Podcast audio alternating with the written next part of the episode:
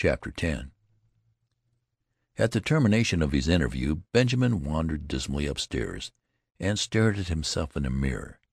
He had not shaved for three months, but it could find nothing on his face but a faint white down with which it seemed unnecessary to meddle.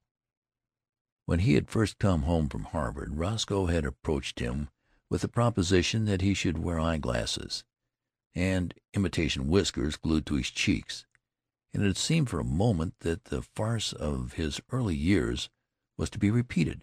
But whiskers had itched and made him ashamed. He wept, and Roscoe had reluctantly relented.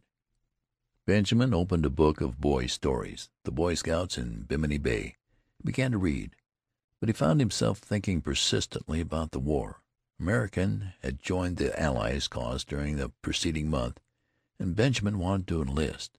But alas, sixteen was the minimum age, and he did not look that old. His true age, which was fifty seven, would have disqualified him anyway. There was a knock at the door, and a butler appeared with a letter bearing a large official legend in the corner and addressed to Mr. Benjamin Button. Benjamin tore it open eagerly, and read the enclosure with delight. It informed him that many reserve officers who had served in the Spanish American War were being called back into service with a higher rank, and it enclosed his commission as brigadier general in the United States Army, with orders to report immediately.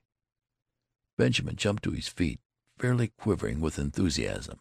This was what he had wanted. He seized his cap, and ten minutes later he had entered a large tailoring establishment on Charles Street, and asked in his uncertain treble to be measured for a uniform. "Want to play soldier, sonny?" demanded the clerk casually. Benjamin flushed. "Say, never mind what I want," he retorted angrily. "My name's Benjamin, and I live on Mount Vernon Place, so you know I'm good for it." "Well," admitted the clerk hesitantly, "if you're not, I guess your daddy is all right." Benjamin was measured, and a week later his uniform was completed. He had difficulty in obtaining the proper general's insignia because the dealer kept insisting to Benjamin that a nice Y.W.C.A. badge would look just as well and be much more fun to play with.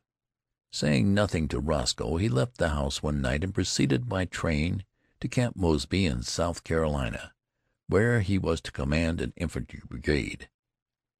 On a sultry April day he approached the entrance to the camp, paid off the taxicab which had brought him from the station, and turned to the sentry on guard.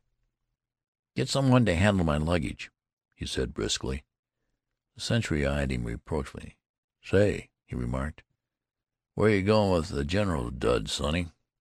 Benjamin, veteran of the Spanish American War, whirled upon him with fire in his eye, but with, alas, a changing, treble voice.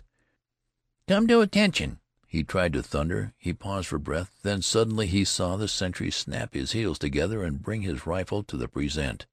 Benjamin concealed a smile of gratification, but when he glanced around his smile faded. It was not he who had inspired obedience but an imposing artillery colonel who was approaching on horseback. "Colonel!" called Benjamin shrilly.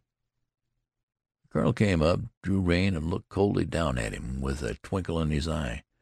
"Whose little boy are you?" he demanded kindly. "I'll soon darn well show you whose little boy I am," retorted Benjamin in a ferocious voice. "And "get down off that horse!" The colonel roared with laughter. "You want him, eh, general?" "Here!" cried Benjamin desperately. "Read this!" And he thrust his commission toward the colonel. The colonel read it, his eyes popping from their sockets. "Where'd you get this?" he demanded, slipping the document into his own pocket.